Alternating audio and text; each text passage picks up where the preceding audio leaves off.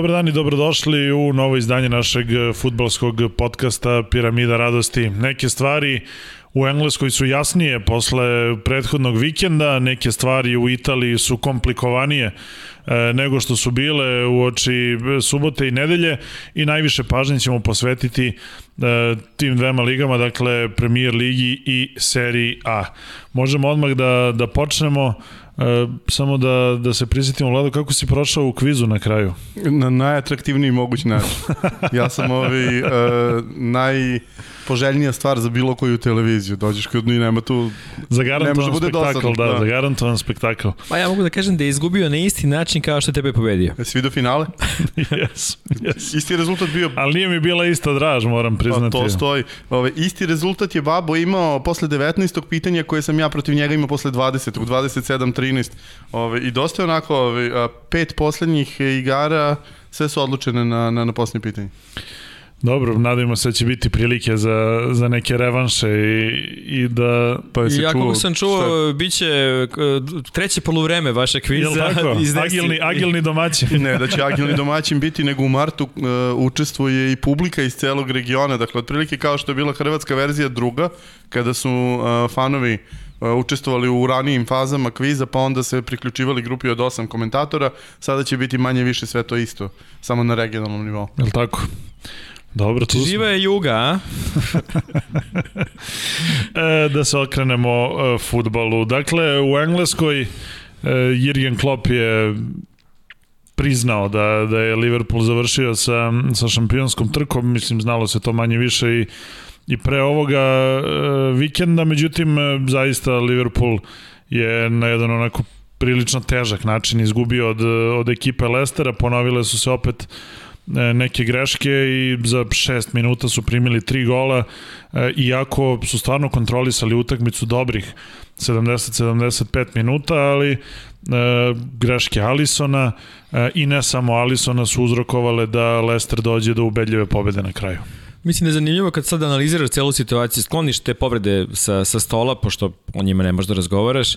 Na kraju oni koji su najviše razočarali ove sezone su junaci prethodne sezone. Golman i sva trojica napadača, što je onako baš jedna bizarna sama po sebi. Znao li Salah je prvi strelac lige? Apsolutno, te brojke i samo njemu govore. Znači, zaista e, radi na svojoj ličnoj statistici e, što se tiče samog tima, ništa se nije desilo. Ne da nije korak napred za ceo napad, ili gledaš njih trojicu, ne gledaš samo, samo Salaha, nego tri koraka unazad i nekako ostaje da se analizira pre svega zašto je taj deo najjači, znači psihološki najjači, gde je tačno pukao.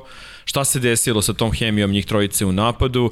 Vlada je pričao, sve smo pričali o tome koliko je Žota uneo nečeg novo, koliko je izgledalo to super, uprkos tome što nije bilo Van Dajka i kako kad su ostali njih trojica opet, kako sve to se raspalo na svim nivoima i opet gledaš, jeste najbolji strelac, jeste sve, Ali čoveče, gledaš učinak celog navalnog trija, nešto opasno nije u redu. Znači, zaista, premalo šansi stvaraju, premalo golova daju, nešto, nešto nije u redu s tim delom tima koji je isti kao što je bio i ranije.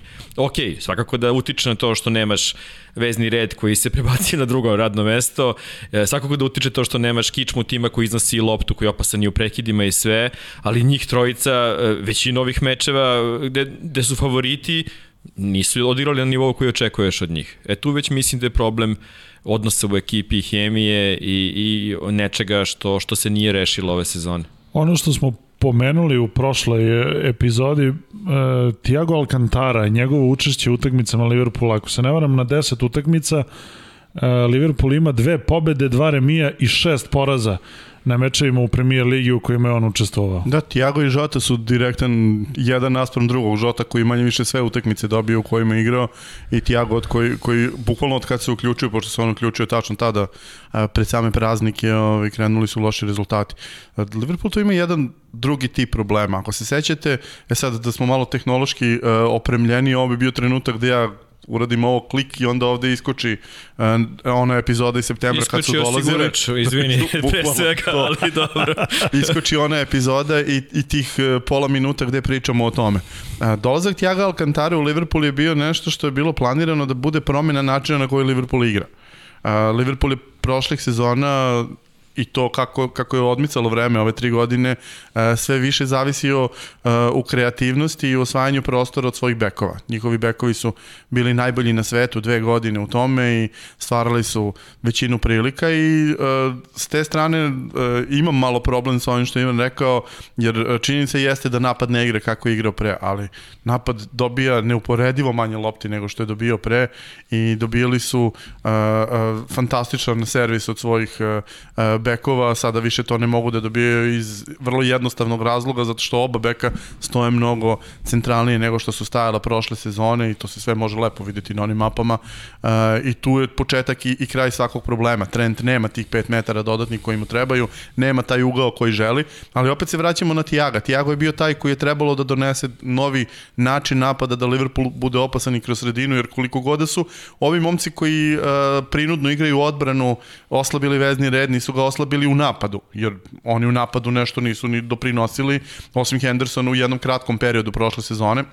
Ali Liverpool jako lepo i pre toga dve godine igrao bez toga da, da Henderson uh, napada iz drugog plana.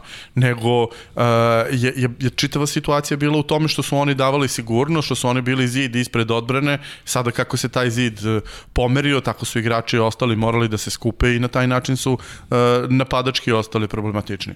Opet, ajde da se vratimo, koji su timovi protiv kojih je Liverpool ispuštao bodove? Nije li ispuštao bodove protiv City-a i ne znam Chelsea-a i Uniteda i tako dalje, nego je ispuštao bodove protiv West Broma, protiv Newcastle-a, protiv Fulama, protiv, protiv takvih ekipa. A dobro, u poslednje bi... vreme i protiv City-a i, i protiv pa, Leicestera. Ali dobro, to je poslednjih, to, to su sedma i osma od tih utakmica koje si uh, nabrojao, uh, nisu oni titulu izgubili protiv City-a i protiv Leicestera. Titula je davno bačena. Titula je bačena onog trenutka kada su ekipe koje Liverpool izađe na teren, ove već potpisali kapitulaciju i idu kući, su počeli da im uzimaju bodove da ih pobeđuju. Burnley ih je pobedio u, na, na Anfieldu, ne treba to zaboraviti. Ljudi nisu pre toga skoro četiri godine izgubili kod kuće. Dakle, e, to su utekmice gde su oni ispustili prednost. Oni su imali lepu prednost u odnosu na City a ušli su u utakmicu sa Cityjem sa ogromnim zaostatkom. Dakle, prosuli su to sve pre nego što su došli na te velike klubove i to su utakmice koje su njih koštale. Ovo sada je već onako, mislim, jeste, ovo je baš bilo neprijatno u trenutku kada si poveo taman si našao način da prođeš i ponovo je Salah uradio. Salah, evo, koliko već, od, još od kupa sa Unitedom, kontinuirano daje golove ponovo. Dakle, opet je u dobroj formi golgeterskoj, ali to tebi ništa ne znači kada apsolutno ništa nisi u stanju nazad da uradiš, kada ti Alisonu dve uzastopne utakmice pravi neviđene kikseve.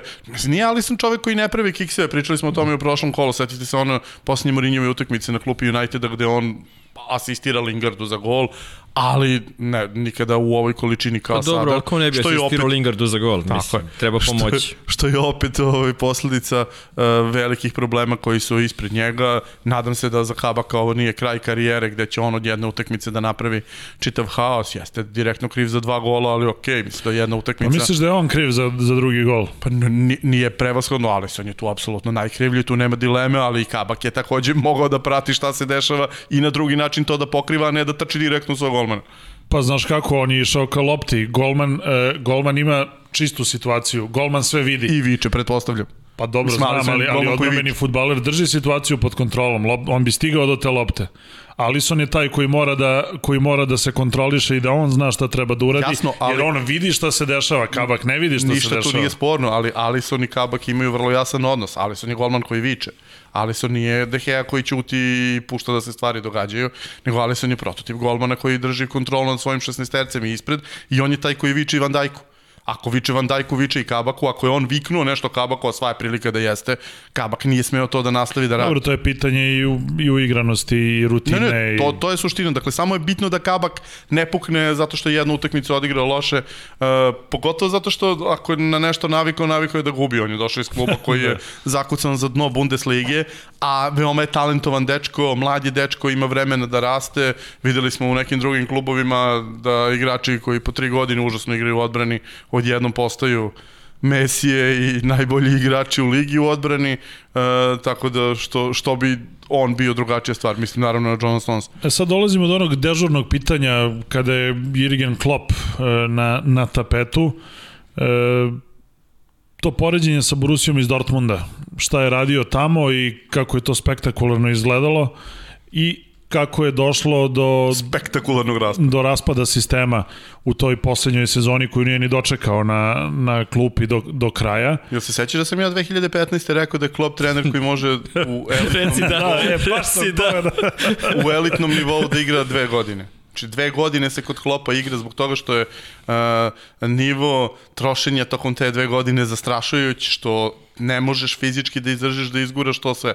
Dakle, oni su Dobro, mogli to znači da možemo, znači možemo velikim da brojem poredimo, izmena. možemo to da poredimo i da i može da se uhvati tu neka Imaš i neka Mainzu isto to neka, iz lige. neka pravilnost. Ali dobro što samo njega gledate, onda manje, manje više, ne računajući matorce koji više ne rade, svi, svi treneri mlađe, srednje, relativno matore generacije imaju rok od 2-3 godine upotrebe. Tako je. Mislim, jednostavno to je neki ciklus. I sa Guardiolom ovo je sad jedna anomalija u njegovom celom životnom ciklusu da je on Jeste, ali, ali otkrio se, sebe. Ali se on prvi put prilagodio i prvi put je nešto promenio i, Istina. i to je dalo rezultata. Istina uz neograničeni budžet i, I podršku uz, kluba. I uz 24 vrhunska igrača koje može da rotira. Da li bi uh, Klopp bio u ovoj situaciji da su učinili to što je on hteo tokom prelaznog roka i doveli šest igrača koje je želeo? Mislim, ovo je sad jedna situacija, više si Ali misliš da je posledica... Klopp želeo šest igrača? Pa, čitaš po stvarima koje priča kao da je želeo. Kao da je želeo, kao da je bio svestan šta ga čeka zbog sezone koja je tako bila zausnuta bez odmora, bez bilo čega. Mislim da je bio spreman da će biti drugačija sezona. Jer, jer Liverpool ima jedan vrlo pristojan prelazni rok, malo kasno obavljen, mm. ali sve je kasnilo, ali vrlo pristojan prelazni rok, osim što nisu do, doveli štopere. A zašto nisu doveli štopere, nikome na svetu nije jasno. Dakle, Evo- pričali smo o tome i u septembru, pričali smo i sa navijačima Liverpoola u septembru, nikome nije bilo jasno zašto on nije doveo štopera, kada je lepo Pa popunio govorimo Tiagom. o, o, o vremenu pre povrede Van. Dijka, nema veze sada sa tim. Ali tada prodosi, prodosi Lovrena, ti si znao da Tako ti je. nedostaje jedan koji će igrati sve vreme kao drugi, kao treći uz njega. Može tebi Fabinho da uskoči kao peti Da. da. štoper, ali ne može da ti bude da igra bazirana na tome da ti Fabinho bude štoper i to jeste bio problem. Drugo, mi kad pričamo o Van Dijku, seti se kako je Liverpool izgledao sa Van Dijkom na, na terenu. Liverpool se zapravo stabilizovao tačno u danima mm. kada je Van Dijk se povređuje i posle toga kreće da ulazi u seriju utakmica u kojima ne prima golove, u kojima uh, im se odbrana uh, zateže. Svi se sećaju naravno Vile, ali seti se i onih ostalih utakmica oko toga i tri na jednoj, dva na drugoj, njegove direktne krivice za neke od tih golova. Dakle, nije Van Dijk taj Mesija kako pokušavaju da ga predstave sve vreme, već je stvar u tome što se njima ceo sistem porušio, zato što je posle jedne povrede došla druga, pa došla treća i to sve u istoj liniji. To je uvek najgore, kad jednu ekipu napadnu povrede u istoj liniji, to je mnogo teško ovaj, prevazići, a pogotovo kada se toliko izlužiš bukvalno, mislim, pričali smo prošle nedelje, Lovren da je tu, Liverpool je već za, za klasu bolji ne, nego što je, što je sada. Pa dobro, ali pitanje je bilo da li je, da li je sad ovo vreme što se inače ponavlja u karijeri Klopa, da li je ovo jednostavno njegov neki problem. Mislim, ok, postoji neki uzorak, ali nije to sad na pet mesta bilo tako. Bilo je na jednom ili dva mesta. Da li je to sada šablon? Ne verujem. Stvarno ne verujem. Mislim, ok, ova sezona je taka kao što jeste, ali, ali ja očekujem uz odgovarajuće reakcije uprave sledeće sezone da budu opet konkurentni. Mislim, e, neke stvari moraju da se promene. Neko, svi smo pričali o tome da neko mora da ode. I taj neko će Klop. biti Salah ili Mane. Pa dobro, on će otići ako bude hteo da, da, da, Ma da dobro, se odmori. naravno, Mislim da je ta naravno. situacija, tržište je toliko smanjeno sa tim e, trenerima koji su u stanju da izdrže pritisak, pritisak navijača Liverpoola u top 3, najveća pritiska koja može da izdrži bilo ko, on to rutinski nosi pošto je hollywoodska zvezda. Ko još može da izdrži to od ovih koji su potencijalni treneri? Zamisli neko ko nije spreman na ovo da upropastiš. Evo Vilaš Boaš kad je došao u Chelsea, to je taj nivo problema koji te očekuje. Dobro, baš još- nema, nema tu vrstu fleksibilnosti. A i Chelsea je Pa i Chelsea je to drugačije, ali dobro, obarač. nije lako naći neko ko će rutinski da izdrži te sve stvari i to da imaš uh, uh, neko ko je moćniji od tebe i bitniji od tebe u klubu i da to što ti želiš se ne ispuni. Sada, ja sam ubeđen, niko, niko zaista normalno ne očekuje uh, da, je, da je klopova želja da ne pojača tim, stvarno. Bez obzira koliko bio tvrdoglas vremena na vreme, mislim da je stvar bila jasna šta će biti problem. Dobro, mislim, pazi, Klopp mora da bude realističan kao što su uh, na bilo kom drugom mestu. On ne vodi ekipu koja je prva po, po parama, mm. nego je ekipu koja je 10 ili 11 po parama. I sa tim uvek moraš da računaš kada uzmeš takav tim, da nemaš ti iste resurse kakve ima City, da nemaš iste resurse čak ni kakve ima United, da ne pričamo o ovim Realima i Barcelonama ili Bayernima koji imaju Okay, ali tu- va, van nastavne resurse. Ali tu ulazimo u drugi, drugi problem, uh, ti imaš nešto što drugi nemaju. Znači imaš potencijalno bar dvojicu igrača koji su preko 100 miliona uh, u, u, svojim redovima. Nema drugog načina, Jasno, ne- nego- čak i za američke vlasnike. E, i, I tu ti upadne problem u vidu korone, jer nemaš kome da utopiš tih 100 miliona. Liverpool je Jedan- dva puta lepo tokom ove decenije, odnosno poslednjih 8 godina, uh, to uradio, prodao je Suareza za ogromne pare, kupio sedam igrača za njega. Mm. A dobro, prodao- Barcelona neko vreme neće postojati, Ono ali, ali mislim da imaš jedan klub koji postoji sve ovo vreme, na koga ne utiče ekonomska kriza, na koga ne utiče apsolutno ništa, uh, Bayern, i u, toj, si, i u toj situaciji stvarno, mislim, kako ti kažem, Zato što raspolažu svojim parama, a ne tuđim. ja mislim da oni štampaju pare. Mislim da imaju štampariju novca. Državom, da, da, da, da. Trenutak gde daje to u Pamekano odlazi tamo je kraj Bundeslige opet. Da, da, da. Dakle, taman smo mislili da ima kluba koji neće hteti da pristane na to. Ne, i oni su pristali na to. Kraj priče, ajmo dalje. Pa dobro, Ovaj, a- ali, ali stvarno mislim, znaš, u situaciji kad ne, na Bayern ne deluje ništa, zaista. I ti kažeš Salak je slobodan, izvolite. A ne, ne, pa neće plati toliko para zato što igrača to kvaliteta obično dovode za 15 miliona, jer nešto. Ali- Negde postoji neka klauzula, ako ideš u Bayern, to košta 8 puta Pa manje. dobro, ali oborili su rekorde sa, sa uh, Javier Martinezom svoje vremeno i prvi su uradili posao sa Bilbaom koji ne radi posao. to, to, Bilbao. da, da. Tako. Tako da, Koliko ovaj, piše u klauzuli, toliko košta. Molim lepo, hvala, doviđenja. tako da se čudo događaju, ali dobro. Ne, ja, ja generalno mislim, mislim za Klopa dve, Klop ima dve osobine. Jedna je taktička, to je taj njegov uh, neuništivi uh, poriv da, da njegova ekipa igra pressing i to je u velikoj meri suzbio onog trenutka kada je otišao njegov partner iz, sa prostora bivše Jugoslavije i njegova ekipa sad igra mnogo drugačiji futbal u odnosu na to. Ono što je još važnije kod njega to je taj faktor loženja igrača.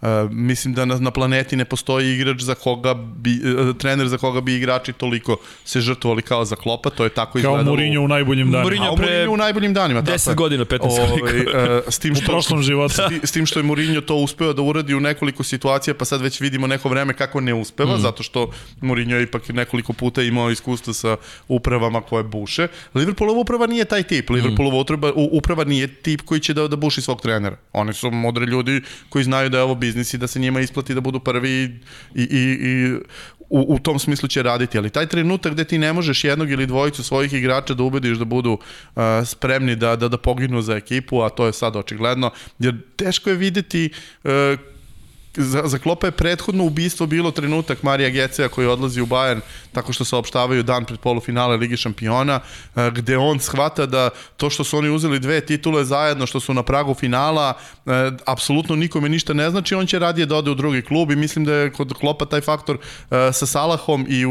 u izvesnoj meri sa Maneom gde obojice takođe već neko vreme otvoreno grebu da odu iz kluba, Salah pogotovo. I to, to je stvar koja je kod njega malo onako za razliku od Mourinha koji je užasno ciničan lik Uh, Klopp je, čini mi se iskreno u toj priči, on veruje u to, kao ajmo, ajmo, mi smo ekipa, A ajmo. Mourinho prodaje priču. Ne, Mourinho je Mourinho trgovac. je Mourinho. Tako je, znači Mourinho to radi sa idejom, znači uh, m- uh, 90% predstave o Mourinho je predstava. On nije lik kakav, kakvog ti gledaš na konferencijama, nego svako ko, ka, kad god sam čitao nečije svedočenje o tome kakav je Mourinho u, u civilno vreme, ove, Mourinho je normalan lik, kao s kojim možeš da sediš i da blejiš. Ove, a, a gledaš ga na konferencijama i na lupao bi ga verovatno. Uh, Klop je potpuno drugi tip. Klop čini mi se da veruje u to što, što, što radi sve vreme i vidi se po načinu na koji se nervira. Da, da, da, da proživljava sve to onako potpuno iskreno. Dobro, već u, u prošloj epizodi smo manje više rekli da je City se približio tituli i tekako posle ovog vikenda pošto je United odigrao nerešeno, Liverpool izgubio, ok, Leicester je Čekaj sada... ti dalje United. Dobro, dobro, ali, ali tu su, mislim, bili. Nije ni bitno. U svakom slučaju, e, idemo korak dalje. E, da li Može li City, Leicester? da li, ove se, da li City ove sezone udara temelje neke nove dominacije? Jer e, uspostavili su opet e, pravi sistem igre, e, igrači na svim pozicijama su ili u najboljim godinama ili su mladi. E, postavlja se problem klasičnog napadača, to treba da se reši u narednom prelaznom roku. Što u njegovom konkretnom primjeru ne znači ništa, pošto... Pa ne mora da znači ništa, Biće ali, Fernandinho, nije problem. ali da, ali pominje se čak i, i napad na Harija Kejna u, Mm. u narednom uh, prelaznom roku. Ali Harry Kane nije klasičan napadač i to je to. Pa da, ali, ali zamisli Harija Kejna kako bi kod Guardiole to izgledalo. Apsolutno, mislim, To bi bio, Harry Kane to bi bio, gde... to bi bio spektakl.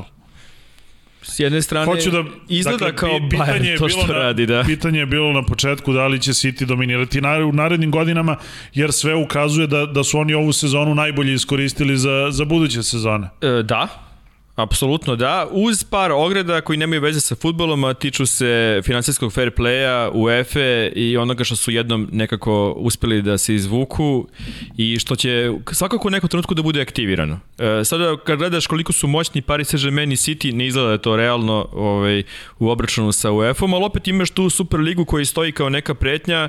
Mislim da, da to njihovo uh, šibicaranje u toj situaciji može da ih izvuče iz, te, iz, iz, iz toga u čemu su zaista jer ako neko opet bude analizirao njihove ulaganja, gazde i svih ostalih stvari, to ne može da prođe, zaista. Mislim, ne može da prođe nigde. Mislim, to je na nivou naših stvari koje se događaju. E, ako to ignorišeš, mislim da je ovo jedna petogodišnja dominacija sa dva pametna prelazna roka. E, zaista, njima su potrebno Harry, bukvalno još Harry, dva igrača. Harry Kane je zaista idealan za to što on igra sa tim izvlačenjem na, na, na, na playmakera na desetku, pa leva strana, pa ulazim unutra, pa prolaze svi vezni igrači, Gundogan koji je postao mešavina Pele i Maradone u ovom trenutku, šta god da radi, zaista nije normalno. Harry Kane je to zaista to.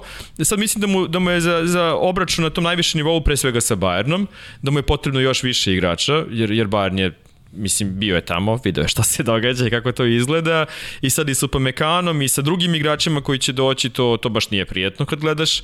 Ove, mislim da mu nedostaje osveženje ekipe, e, ne verujem da, da, da Rodri, pogotovo ne za vladu, može da bude rešenje na, na, na duže niz godina, da bude kičma tima. Pa, mislim da ni za Pepa ne može, Pa način koji da- je prilagodio taktiku, Mislim da da, mislim, vrlo nečito govori o tome. Ja mislim da, da Rodriju još treba malo vremena da, da, da, da prihvati šta od njega se očekuje, ali ne da bude lider tima. Njemu treba e, Fernandinho pa sledeća generacija. Znači njemu treba neko ko će biti ozbiljan futbaler, zaista, za zadatke koje ima. E sad to kako naći i, i da se uklopi odmah i, i da napredi tim, to jeste, jeste mali problem. Ove, ali lepo je, lepo se prilagodio ovom nemogućem vremenu i uslovima u kojima radi. Jedini, je- jedan od redkih koji je profitirao iz svega ovoga, Ruben Dijaš, mnogi su bili onako zapitani zašto, kako nije on igrač tog profila, nije ovo, nije ono. I onda od svih spo, spoji ga sa Stonesom zaista jedan, jedan, jedan masterclass ludila kako je uopšte to procenio da će da uspe na, na bilo kom nivou i da dobije e, par centralnih bekova koji, koji izgledaju neverovatno zaista u svakom trenutku. Najbolja stvar oko Guardiola je što je zaista koliko god deluje da je nefleksibilan ipak uspevao da svaki put kako promeni tim i a, kako promeni klub a, radio te promenice i ovoga puta je promenica na terenu napravila razliku, način na koji je počeo da igra drugačije futbol. Guardiola se vratio na čuveni WM futbol koji je posle drugog svetskog, odnosno koji još od Čepmena, pa onda posle drugog svetskog rata vladao sa tri igrača u zadnjoj liniji sa pokrivanjem cele širine i to je ono što mu je nedostajalo u ovom prethodnom periodu, zato što uh, u- umanjuje zavisnost od Rodrija upravo. I pokušavao je godinu dana da smisli kako će da pokrije Rodrija, pa je koristio Gündoana tu. Gündoan nije igrač koji može da igra tu. Videli smo šta Gündoan najbolje radi, ono što je radio i kada je bio u Dortmundu, dakle pustite čoveka da igra futbol i igraće futbol, nemojte ga vezivati defanzivnim obavezama i to, to sve super funkcioniš. E sad, rekli ste da, da su igrači u najboljim godinama, uh, za dve godine uh, De Bruyne, Gündogan, pomenuti Kane, uh, Walker kao uh, desna strana celog tima i, i ključ da bi ceo sistem mogao da funkcioniše, su svi preko 30. godine, dakle nisu oni baš u cvetu mladosti. Pa dobro, ali trenutno na imaju nekoliko 28 mladih- to je Ali sasvim moraš da okej. imaš igrače preko Jesu 30 sada, ko će nego da se pričamo bori o za tome nešto. sledećih ono N godina. Fernandinho koji dalje, jel te, prevažan je čovjek duboko preko 30 godina, uh, a videli smo da nemaju tačnu ideju kako da, da popune tog napadača, tako da pitanje je da li će i kako to da rade. City je tim koji će biti dominantan u dogledno vreme, uh, bar dok United ne stasa da može da se nosi sa njima i bar dok se ne pojavi još neko sa mnogo para,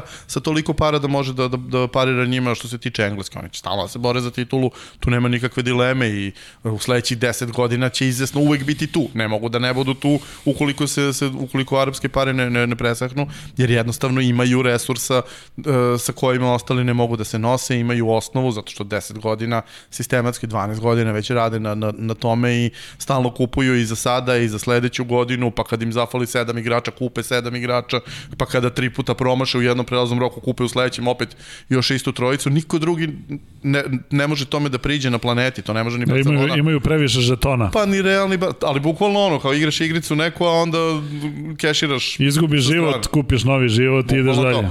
Tako da, da, da sa, sa te strane ne, ne mogu da ne budu tu. Uh, pitanje je samo toga da li će svake godine osvajati titulu sigurno neće svake godine mm. osvajati titulu, nisu ni do sada, niko nije mogao ni, ni, ni da sanja da mogu da završe 20 bodova iza prvoga kako su završili prošle godine. Niko nije očekivao da može Guardiola da jedva izbori Ligu šampiona u prvoj sezoni sa svim resursima koje imao i to od Contea koji je bio u haosu sa svojim klubom i to sa klubom koji je bio deseti prethodne sezone i, i to, to jesu stvari koje će im se događati, ali da će se boriti za titulu, naravno da će se boriti za titulu svake godine. E, za Pepa je samo pitanje to, koji je trenutak kada će proceniti, ok, ja sam ovde završio, želim da probam nešto drugo. Ne delo je da ima razloga u ovom trenutku da to radi. A i šta je nešto drugo? Pa Pariz.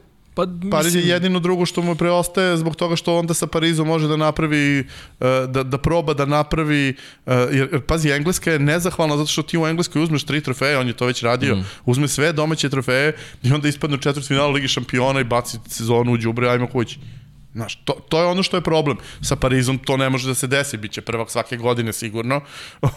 Do, ostali kupuju, poverovatno će i njih dobijeti, ali to ništa od toga nije važno. Sa Parizom može da se koncentriše, može da radi ono što radi Bayern svake godine, a to je da mu počne sezona e, u osmini finala Ligi šampiona. Dakle, da ti imaš pola godine da se igraš, da uvežbavaš taktike, da odmaraš igrače i onda možeš čak i u tim trenucima, pošto imaš 10-15 bodova prednosti, da, da, da tempiraš kada će da ti igra Neymar i, i, i Mbappé, kada ćeš da pustiš nekog lika sa klupe da se pojavi, pa ako se pojavi još neko čudo, znaš. Mislim, drugi, drugi je potpuno mentalitet. Nisu, nisu timovi u istim pozicijama, timovi iz različitih liga kada je u pitanju evropsko takmičenje i to je ono što je uvijek bilo problem engleskih ekipa, zato što oni moraju da ginu na svakoj utakmici. Kad pogledaš broj titula koje su Englezi osvojili, eh, a da u isto vreme su prvaci svojih država, to je zastrašujući broj.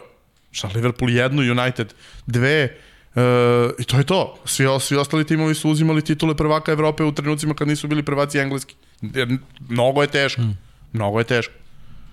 E, zaključit ćemo priču o engleskom futbalu jednom temom koja nije direktno vezana za neku utakmicu, mada eto neka bude e, vezana za duel između Arsenala i Lica. E, Arsenal je pobedio 4-2, Lice samo uništio, Bielsa je insistirao na svojoj taktici, izgubili bez su... ključnog igrača za da, tu taktiku. bez ključnog igrača za tu taktiku, izgubili su veliki broj lopti, golman im je bio playmaker i tako dalje, vrlo jednostavna situacija u suštini, Arsenal je to iskoristio, pobedio je 4-2. Međutim, da, da posvetimo malo prostora e, momku koji je stvarno skrenuo pažnju na sebe, ono što je radio u oči, u oči trećeg gola Arsenala, ne viđa se tako često u, u premier ligi gde se igra čvrsto, gde se igra tvrdo, gde će već drugi ili treći igrač u toj situaciji da ti polomi noge ili da ili bar da te baci na zemlju. U pitanju je e, Saka koji je zaista e, vesnik jedne bolje igre Arsenala, Arsenala sa nekakvim identitetom, Arsenala koji jeste izgubio od Aston Villa i od Wolves, ali nije to izgledalo toliko loše. E, Arsenala koji u posljednje dva meseca igra sasvim pristojno, a taj momak se nameće kao nova velika zvezda engleskog futbala. I ne samo uh, on, čini mi se da je situacija nikad bolja za, za, za mlade igrače engleske. Ima nešto u, u Saki i tome kako se ponaša, nešto Giggsov, kako igra, način na koji, koji prenosi loptu u sredinu, način na koji je, koliko je bezobrazan kada ima loptu u nogama, način kad ga udariš jednom, drugi i treći put ustane i nastavi da ide dalje. E, za igrača Arsenala e, to je nešto što se ne događa. Obično kad ga udariš jednom više ne ustaje. I ovaj, ok, moralo se desi da se prekine e, ovaj, niz igrača koji fizički nisu kompetentni da, da igraju na najvišem nivou. I... Da znaju da igraju, a da mogu i da ostanu na nogama. Činjenica je to da je on krenuo kao bek. Znači, kao i većina klinaca koji dobijaju šansu i to mu je pomoglo. Čini mi se da mu je pomoglo da shvati da će dobijati batine, da će dobijati često batine i da je to najnormalnija stvar, bez obzira što je sve vreme prodiči, sve vreme je lider generacije, sa 15 godina igra u timu od 17, sa 17 igra u timu od 20, znači sve vreme ga guraju, guraju napred, iz mlade reprezentacije u A reprezentaciju, čak igraju za reprezentaciju beka. Mislim, ispred njega bio Sterling, pa se preklapali. Mislim, šta se šta, šta reći. Ali mi, mislim da je to jedina pozitivna stvar ove godine Arsenala. Mislim svaka čast na mnogim stvarima koje su promenjeni i dalje Arsenal niko ne može da, da stavi ruku u vatru šta će biti sutra, šta će da se desi. Pa čak i na ovoj utakmici pričali smo ti ja da je trebalo još 20 minuta primili bi još dva gola bez problema. Da li bi verovatno, verovatno. još dva? Ali to je kad krene, to se ne zaustavlja. Ali ako... Zato svesno ne, ne pričamo baš o Arsenalu, nego jednom fenomenu koji se, koji se nameće. Eto. Jeste, ali vidiš celu tu ekipu klinaca, i Foden, e, i on, e, i Bans, e, mali, ok, Griliš ne računaš kao malo starije, kao već, kao ostvarenog jednog najboljih igrača ligi i sve. Ono što se ulagalo svih onih godina u mlađe kategorije engleske reprezentacije koje su uzimale sve turnire koje su igrale, par godina kasnije uz razne slučajeve koji su se desili, tipa opšta kataklizma, pandemija, bez navijača i sve, neki od njih su dobili šansu. Najzad su dobili šansu da igraju, pa čak i u velikim klubovima. Da znaš da je Foden to što jeste. I sada, koliko očekuješ da će da igra? koliko klinaca iz City-a koji su bili najbolji u generaciji svojoj i sledeći nisu nikad dobili šansu, ili u Chelsea ili bilo šta. I sad se desi da Mount dobije šansu, pošto je njegov trener iz Derby County-a prešao, pa ga je gurno da dobije šansu preko reda, pored svih igrača koji su skupo, skupo plaćeni i eto ta pandemija omogućila da, da par klinaca dobije šansu koju inače nikad ne bi dobili verovatno i pokazali su da su kvalitet. Mislim, da li je Saka lider te cele grupacije, ne znam, niti me zanima, bitno mi je samo da bude zdrav pre toga, mislim, samo to. Mislim da sve ostalo će se dešavati samo po sebi. Biće zanimljivo kad bude saopštio spisak za evropsko prvenstvo. Ja, ja zaista očekujem da svi budu na tom spisku da bude i Foden, da bude uh, i Saka, uh, ok, Griliš kao, kao, kao lider te generacije, da ih nagradi. Jednostavno, uh, kudi kamo su taktički pismeniji i, i imaju taj voljni moment koji je neverovatan kod svih uh, u odnosu na mnogi generacije pre toga, koji ništa nisu uradili. Teško će Southgate napraviti startnih 11 na tom, na tom prvenstvu, biće tu mnogo dilema. Pa dobro gledaš sve što je radio do sada s nekim ko, ko nema nikakav trenerski pedigre i sve, e, ne možeš da kažeš da nije hrabar. Možda mu nađeš razne zamerke i to, ali da je, sve, da je spreman da napravi rez, pogotovo na turnirskom sistemu gde, gde praktično imaš svaki put drugačiji tim, jel moraš da rotiraš stvarno, mislim da mu to nije problem. Da će ići svesno to da pravi dva tima, sve vreme dva tima s tim što će jedan biti više napadački, a drugi će više da se brani, pa šta bude, mislim. Ja ne znam što, što su ljudi toliko zbunjeni oko Fodena, to mi nije jasno, mislim, Foden evo četiri godine već igra za prvi tim. Ja sam radio prvu utakmicu njegovu kada je bio na terenu 2017. godine u leto i tih 20 minuta što je bio na terenu izgledao je apsolutno fantastično i već sama činjenica da ga je Pep uopšte pustio da igra e, za razliku od ovih ostalih klubova koji tako ono gurnu klinca, Arsenal pre svega, United u velikoj meri, e, pa ih onda vuku tu, pa ih onda e, United ih gurne negde relativno brzo, Arsenal ih muči dok ne postane jasno da više ne mogu da igraju ni, ni za neku ekipu sa sredine tabele, pa ih tek onda prodaje. I on otkriješ Eilinga 10 godina tako, kasnije tako ne. kao lidera lica od odjednom. Prilike. Tako. Kod Citya toga nema. Pep nema nikakvu vrstu sentimentalnosti prema toj deci iz škole, da, dakle, da, ako on pusti u tim, on, on ih je pustio u tim. Uh, svi se sećamo šta je bilo kada je doveo Barsu B, odnosno kada iz Barse B prešao u Barsu A, on nije poveo za sobom 10 igrača, poveo za sobom Buskica i, i, i Pedra. Mm. Dakle, znao je koga dovodi i zašto ih dovodi i doveo dva čoveka koji će da gurne da budu starteri odmah. Ok, Foden je u tom trenutku kada je debitovao za klub napunio tek 17 godina i bilo je logično da će mu trebati još neko vreme da raste, pa se onda dogodio Liverpool, verovatno bi oni više prilike dobio da Liverpool nije dve godine jurio stotku, uh, ali sada čovjek ima 21 godinu ove mm. godine, dakle, samo što nije napunio 21 godinu, dakle, uopšte nije klinac. Mi smo navikli sada da gledamo ovu decu od 17-18 godina koja rade svašta i ovi što se pominju iz Chelsea-a, to su sve momci koji su uglavnom 97. Mm. godište, to je 23 godine, to je IHH i punoletan, on već u, u nekim zemljama ga sklanjaju iz prvog tima. Dobro, ali znaš da engleska druga pravila Tako važe, je. posebno za velike klubove. Tako Njihova je. deca su deca do 30, otprilike manje Tako više. Tako je, i to jeste generalno Kao Divac i Đorđević. Ni, nikad ih ne puste da, da igraju. Ove, tako da, mislim, jeste, le, lepa je stvar videti toliko klinaca koji igraju važne uloge i Saka za razliku od svih ovih prethodnih Arsenalovih meni deluje kao da je stvarno futbaler. Ja, ovih 15 prethodnih koji su igrali, samo je bilo pitanje trenutka kada će završiti u Evertonu, onda iz Evertona sutra u Prestonu, a kod Sake stvarno imaš utisak da, da je futbaler, da stvarno Sve pravi vreme razliku. pokušati onog malog što je došao kao budućnost uh, Uniteda, pa posle toga ste ga poslali u napadu, da li za Venkin Donsa došao, pa sad digli nešto Championship ili Ligu 1, a bio je super kad se pojavio, ne mogu setim imena. Belac, uh, visok, onako, imao je super korak. A nije Kiko. Mm, Šalim se. Engles. Ja ne sjećam se. Ne, ne, ne sjećam se. I dalje igra Championship ili Ligu 1 i sve, a izgledao je super u prve dve utakmice kada je dobio šansu. Puna druga, treća engleska liga Mm. Unitedovih bivših igrača. E, Italija. E, Inter je lider e, na tabeli. E, uspeli su da pobede Lazio rezultatom 3-1, da iskoriste poraze Juventusa i Milana.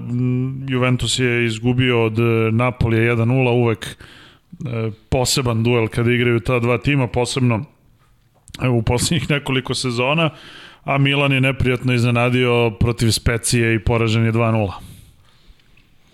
Čekaj da nađem. Ove, pazi, što se tiče utakmice Napoli Juventus, Juventus ne igra futbol, Juventus ostvaruje rezultate i kada ovako gubi utakmice, to jeste ozbiljan problem, ali dobro, Juventus mislim da je dobar deo onoga što je želeo da uradi za ovu sezonu već uradio i da oni su još uvek tu Uh, imaju utakmicu manje i 8 bodova, dakle 5 bodova od Intera.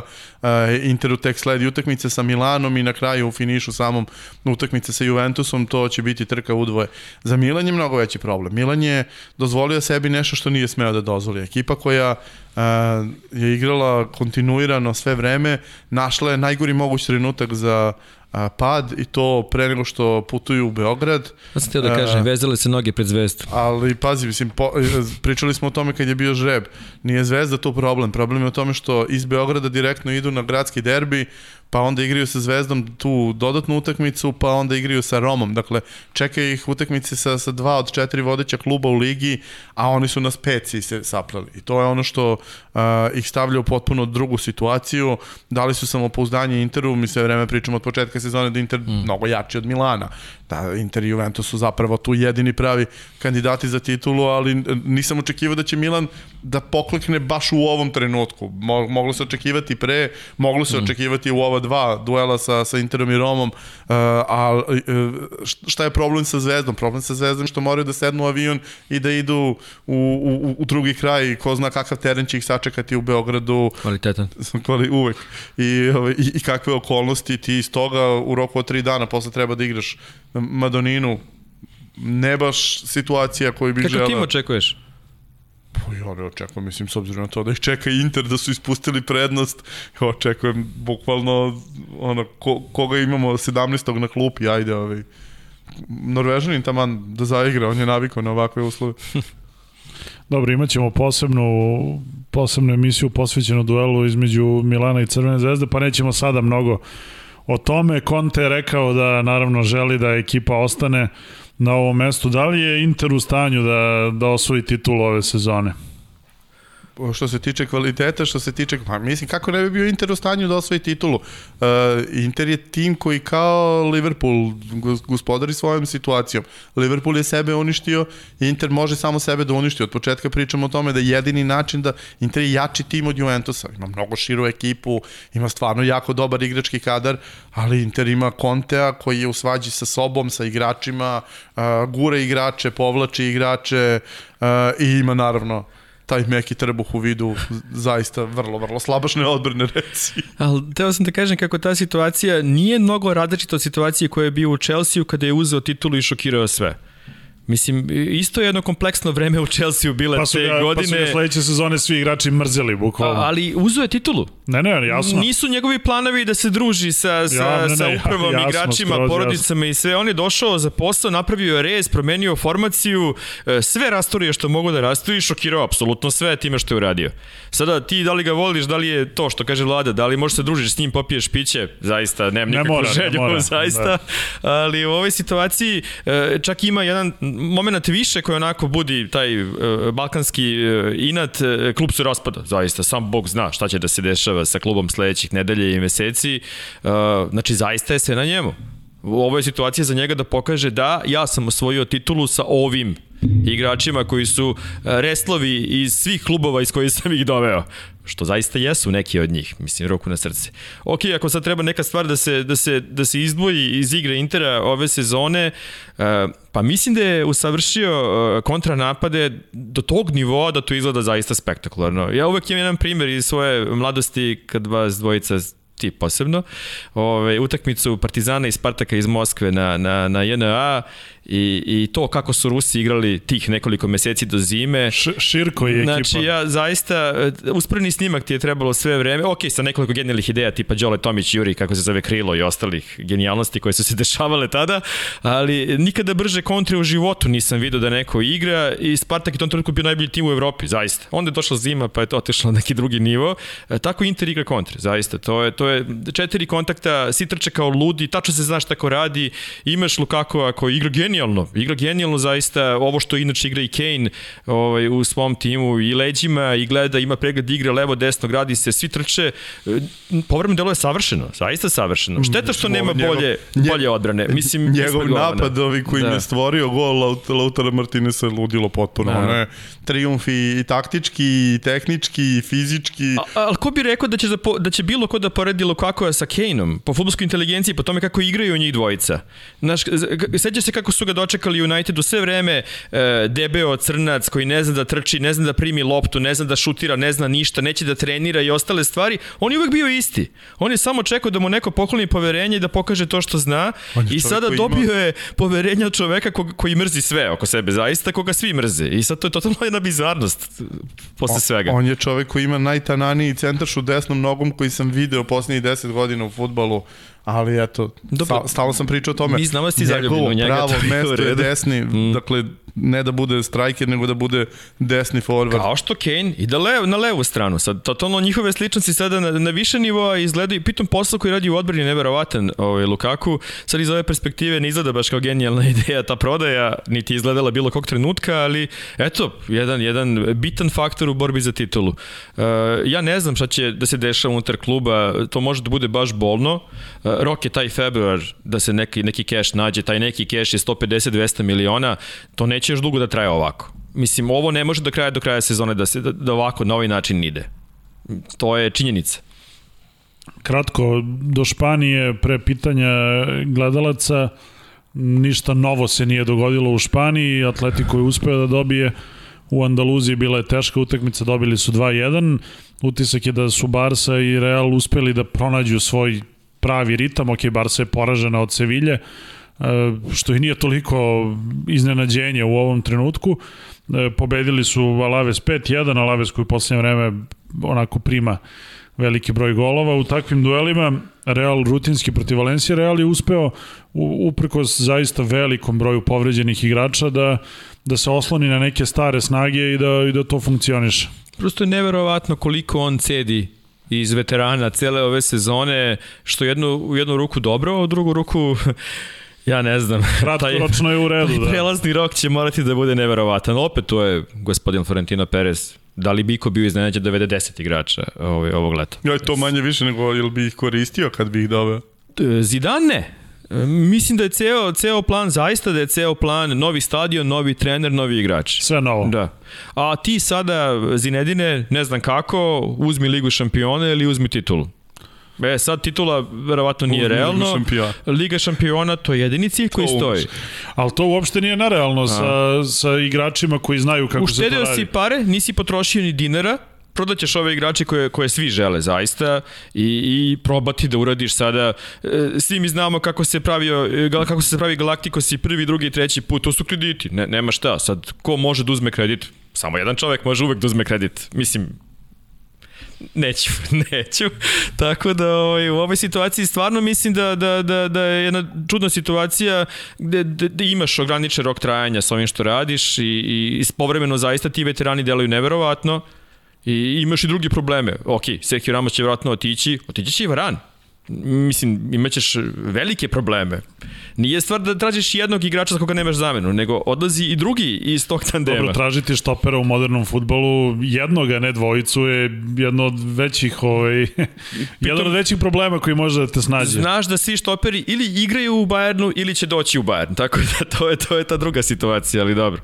Ovo, što tiče Barcelone, e, po, pičamo i o Kumanu i o svemu. Za, zar Sevilla nema tipa najbolji štoperski tandem u futbalu, kako se to Dobro, zaista. popularno misli? Mislim, sve vreme smo pričali, čak su bile i pitanja šta se dešava, e, to što je urađeno Sevilji s tim što su im ukrali dve nedelje odmora, to je bezobrazluk. Ne, ne, i... što ne kupe lepo i- Seviljini igrače, mislim, i Pa zato što Ramosa sada, su odatle da... zato što sada e, Kunde neće koštati kao što je koštao Ramos, zato što Kunde sada u ovom trenutku će koštati 100 miliona zaista. Mislim i... Misliš? I, mislim zar, da... zar on nema neku bizarnu izlaznu Ne. klauzulu? Nema. Nema, nema. Mislim, vidio sam da su ovi rejvovali oko Uniteda kao neka ga kupe za 50 miliona i Nema, to. nema. Ne, ne, mislim, ne događa se to više. Možda ima onu klauzulu od 340 miliona. I, I za ti se smeješ, e, neki se smeju. Šta radi Monči sa tim brojem igrača zaista koji je nenormalan, ja nemam pa kako on zapamtite ljude koje dovede sve vremena na vreme, ali posao koji je uradio... Mo, Monči njih ono drži, to, to mislim da je bila u, u, uopšte ideja. Uh, ovo ti je španska ekipa, ovo ti je evropska ekipa i Mm. zna ono kao Sevilla, Europa, se, Sevilla, Espanja. Ali opet bizarno on kad dobio Kunde, Kunde tih prvih nekoliko utakmica izgledao zaista kao da je zalutao bilo gde. Pritom nije doveden za male pare i, i samo je bio sačekajte, sačekajte. I čekalo se, čekalo se dosta dugo da, da bude i sad ova sezona otkriva šta sve može. Ajde sada i- izigraj Maradonu, prođi sve, nema problema. Ajde sada daj gol kad te čuvaju dvojica, nema problema. Zaista neverovatno kako napreduje. E, sada da li se Vilja može da, da se umeša u borbu za titulu, mislim da, da, da to već sada ne zavisi od njih Pa mislim da se oni oko toga i ne zavisi od Ne njih, zavisi previše. da se dezintegriše Atletico tako da izgubi pet za redom. Onda bi, onda bi to bilo, uz... o, bilo bi uzbudljivo onda za sve, zaista. Svi bi bili u, u igri za titulu. Pa pazi, mislim, tebi realno nisu tu ni Barca, ni, ni Real daleko ako dođe do neke dezintegracije. Ali opet, ali opet gledaš tu celu situaciju, šta god da se desi, sledeće sezone, jedini timovi koji ne kreću od nule su Atletico Madrid i Sevilla. Real i Barca kreću od nule. Zaista. Bez obzira, makar otišao samo Messi, krećeš od nule. znači nije, nije Jel sad... misliš da kreće? To je odlično pitanje. Ako ode Messi, ostane Kuman, da li to za Barcelonu polazak od nula ili Barcelona uradila ono što su uradili u Cityu kada je dolazio Pep, a to je doveli su u prethodnom treneru e, šest Pepovih pojačanja, pa kao evo ti nek budu tu, ono tamo da se uigravaju dok ne dođe Pep. da postoji e, opcija, e, taj neko ko bi došao umesto, umesto Kumana i da postoji neko ko bi o tome razmišljao u Barceloni, to bi bio super plan, A što, zaista. šta, što ne bi Kuman ostao ako je on po sebi već... Ja želim da Kuman ostane, ali nekako je ta, ta situacija da, da, da je sad on u srcu svega toga što se dešavalo, što je oteran Suarez, što će otići vjerojatno i Messi, ovi skandala koji se događaju u Game of Thrones situaciju u okviru borbe za predsednika novog kluba. Ja mislim da bolji, bolje opcije od, od, od Kumana nema u ovom trenutku. Pritom izvuci još dvojicu igrača Ajaxa, nek se, nek se nađu, znaju već šta traži od njih. Uspi, e, pokušaj da vratiš bar dvojicu igrača da igraju futbol kakav se očekuje od njih kako ćeš naći pare da za neka pojačanja, to je već neka druga priča. Imaš puno igrača koji su, koji su polovni, koji, koji tu se šlepuju. Nažalost, neki od njih su bili super u nekom trenutku, kao Umtiti, na primjer, i sve. Ali on je počeo ozbiljnu rekonstrukciju koja je uvek bolna u jednoj baš onako neprijatnoj situaciji i nisam siguran da bilo ko može bolje. Zamislite, na primjer, Murinja u toj situaciji koja je Kuman sada. Mislim, ja mislim da bi se tuko sa VD-om predsjednika kluba vjerojatno treći dan. Znaš, na nivou razgovora, tipa šta si uradio čoveč? Ja, problem je u tome što sad više ne znaš ni s kim da se tučeš. To. To je najozbiljniji problem pošto imaš tamo VD-a koji je tako, potpisuje i imaš ove koji se tuku među sobom i govore ko je veći patriota, ko je veći navijač Barcelone. To Mislim. malo podsjeća na jedan beogradski klub uh, u sezoni 2004-2005, kad je predsednik otišao u uh, samoizabranu izolaciju negde oko septembra i onda do, do kraja sezone VD upravo vodila ekipu. I iz toga izašlo ovo što se danas zove 50 miliona duga. Nećemo, nećemo. Ako sam ja stao, staćeš i ti. Ne, ne, Nećemo. sve okej. Nećemo. Idemo na pitanja. Idemo na pitanja. S koje strane ćeš? Sa leve. Ko je naslednik Klopa i da li ga vidite u Bayernu? Klopa u Bayernu? Da. E, ne. Ja sam bio ubeđen recimo kada je nastao onaj... Nikad. Pa čak bih rekao i nikad. E, zato što... Nikad ne reci nikad. Pa dobro, mislim, ovde smem da kažem, znaš.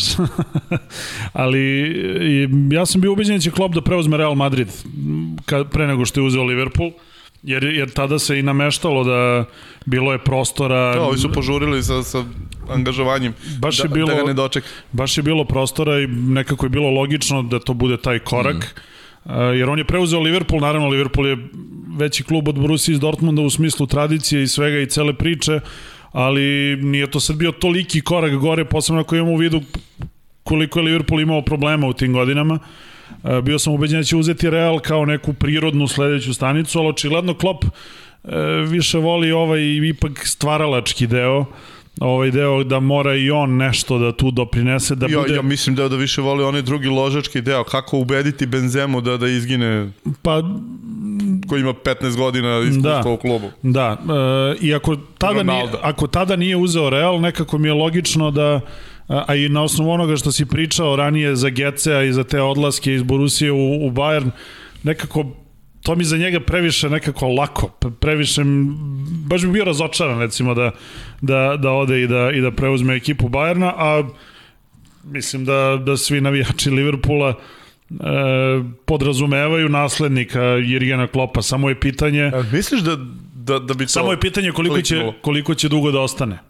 Jer ne bi bilo dobro da se to desi ovog leta, recimo, da sad, ne znam, Klopp ode, možda bi bilo prerano. A mislim da ako se to desi recimo već onog tamo leta da, da se podrazumeva da to bude Steven Jer, Gerrard. jer pazi, on, on nije imao ni, ni pritisak, on je oduvao Celtic do, do nove godine. Ma dobro, Tako krenulo da od ne početka znaš- kako treba. Ti da, ne znaš ka, kako bi on funkcionisao da igraju top ono, za, za dva boda, za tri boda, treba se juri sa nekim pepom, da juri 100 poena. Mislim, Ko zna. Ja ne bih isključio tu mogućnost da Klopp ode u Real u ovoj eri radikalnih promena sa deset novih eh, najboljih igrača sveta, s novim stadionom i, i sa željom da se krene opet u dominaciju. Ne bih isključio to. Dobro, ima taj stvaralački deo, da kažemo, da, da, da se on ugradi u sve to, mm. da on bude taj koji će graditi nešto novo, njemu je to veoma važno, ali kažem, e, do duše dobro, evo sada je sa Liverpoolom napravio stvarno neke neverovatne stvari, M, pitanje je njegovih, njegovih želja i, i ambicija za dalje. Realniji je taj Real nego recimo Bayern. Bayern je ipak simbol nečega u Nemačkoj što je gotova stvar što eto uzeo si Bayern i kao za- završio si posao, nisi počeo Pa posao. da, ali šta još možda uradiš? Uzmeš u sezoni šest trofeja, koliko već možda da osvojiš, šta će biti njegov doprinos tome da, da sebe digne na nivo na kojem niko nije bio? Mislim, Znaš, ono baš ne ostaje jedan da, da igraju neku interligu, e, Nemačka, Engleska, Španija, ajde i Rusija da bude sve to lepo, to, pa da. Da. se tako ne... E, pa dobro, A mislim... možda će imati priliku da. Da. Evo na, na tu temu pitanje, svetsko klubsko prvenstvo, da li ikakvog smisla ima ovako i šta učiniti da to takmičenje ima ikakvu svrhu na planeti? Ko nije ispratio, Pa, da. mo- jedan od mojih omiljenih timova Tigres je igrao tesno u finalu. Hrabro igrao je- poginuo. Igrali su, ušli su, izbacili su Palmeiras, Žinjak je naravno dao sve golove na turniru, ono čovek, ja ne znam, ono najbolji futbaler u istoriji zapadne hemisfere.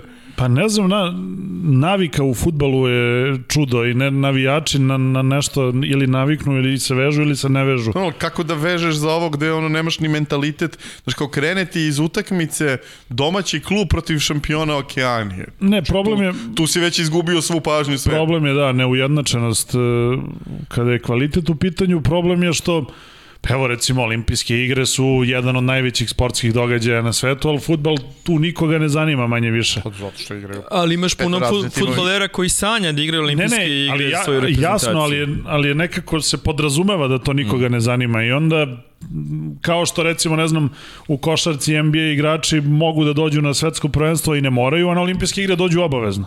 Jednostavno postoji neka, neka hijerarhija koja je izgrađena, takmičenje i ovako, Ovo- i, ovo- ovo- i, i ovako i previše. Ovo je jako važno zbog, zbog toga što je to e, ono što bi se reklo Fifina noga u vratima.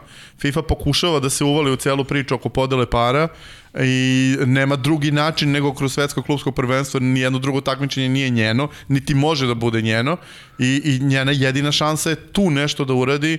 Bila je ona priča da će da naprave turnir sa 32 tima, brate, to je mesec Kada? dana. Jeste normalni, da, da. nekih, ono, jedino da, da, da neku, da, da jednom u, u dve, tri sezone uhvate ili četiri, uhvate onu američku turneju, mm. pa tamo naguraju sve timove, pa evo igrajte ono po američkim gradovima i tako se to već radi, samo neka bude pod, pod uh, amblemom FIFA, ali na bilo koji drugi način takmičenje potpuno nemoguće organizovati s obzirom na, na količinu međunarodnih turnira koji se igraju inače. Ja se slažem da je FIFA problem, ali opet pogledaš s druge strane i Super Kupa Evrope nema značaj koji bi trebalo da ima utakmica dva osvajača uh, trofeja u takmičenju pa, i šta, šta sad radiš, nima, ko, da. igra, ko igra Super Kup kad imaš i treće takmičenje u UEFA? Mislim, šta će da. biti dva i po, dva i po pobednika, ali, mislim, i svega. Ali, uh, Dobro, to se uvek znalo, da. mislim, znalo se ko igra Super da, Kup da, da. Evrope dok je postojao Kup Kupova. Ali interkontinentalni kup imao težinu. Jeste, ali mislim da je to Kada su igrali, problem sa FIFA koja se... imao težinu finala Kupa ili Lige šampiona, je. ali je imao težinu, mnogo veću nego što ovo sad ima. Pa jeste zbog toga što su igrala dva takmičarska tima i sada da, da ti igraju samo Evropljani i Južnoamerikanci, eventualno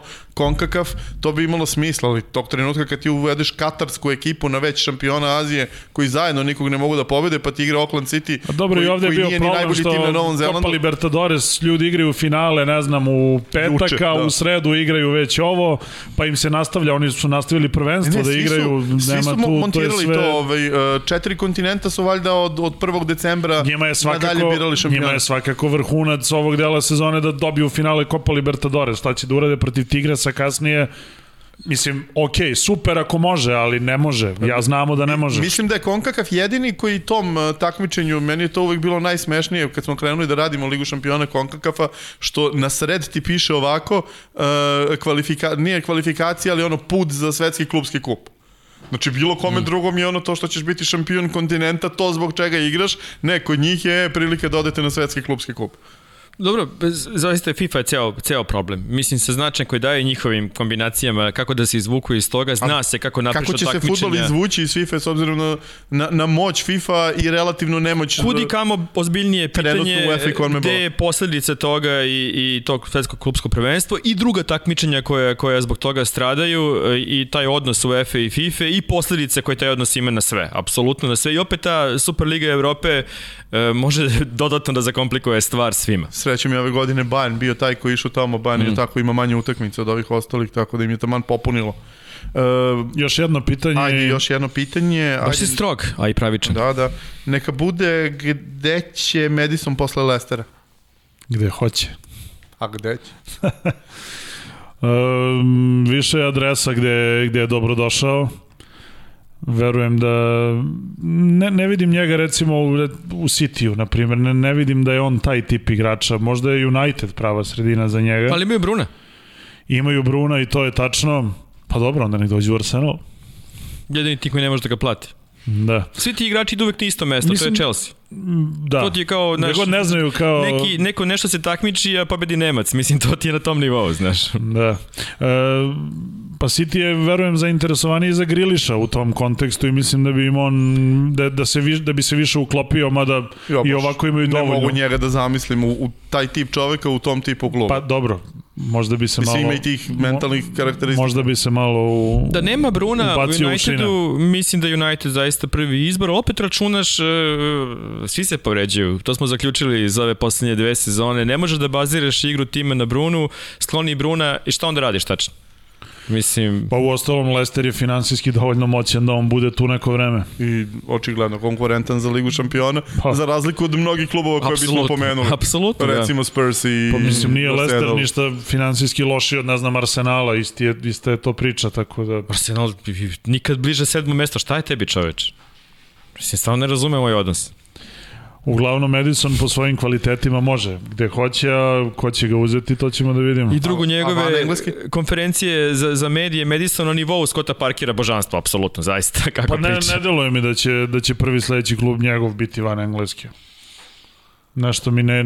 Pa pazi, u ovoj, u ovoj situaciji uh, uh, raspada što se tiče financija i Barcelona i Reala. Neće se mnogo bežati iz Engleske, šta više. Ne bih se iznenadio da neko pokuša blef te vrste. A to misliš? Znaš, da neko pokuša, ajde da promenimo sada pristup e, tržištu. Jer ovo akcija sa Brazilcima koju je proveo, pro, e, Real sproveo na, na vrhunski nivo i Barca stala u nekom trenutku, nije baš dala neke rezultate. A dobro, da li je ovo poslednji voz za Kejna, recimo da ide iz, iz Tottenhema, jer je već u tim godinama da... Da jeste, mislim. Biće jako teško posle ove sezone, računaj da ako se nastavi ovo što se događa, da će rastoriti sve odnose u klubu na svim nivoima, zaista, i, i ne znam baš kako ćeš da držiš ekipu na okupu. Pritom nije samo Kane, tu i Son. Jer on je počastio Tottenham već sada sa jedno, dve, tri sezone, mm više ali, nego što se ali očekivalo. igrali su finale Ligi šampiona, Ne, ne, na- na- da se nije desilo onaj, Imali onaj su da bizarni se, penal, ko zna imali šta su bi za šta bilo. da, se uhvate, zaista, ali sad nemaju. Sad baš nemaju. Mm.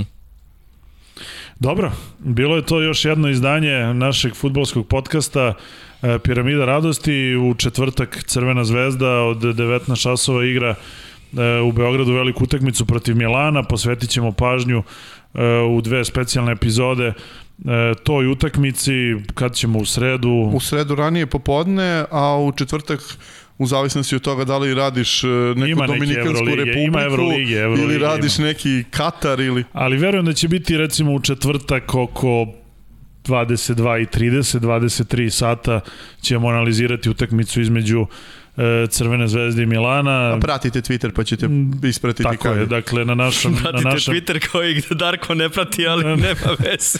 ja pratim Vladu ovako, ovaj, uživo ga pratim. E, ništa, to je bilo to. E, pozdrav do srede, tada pričamo o Zvezdi i Milanu.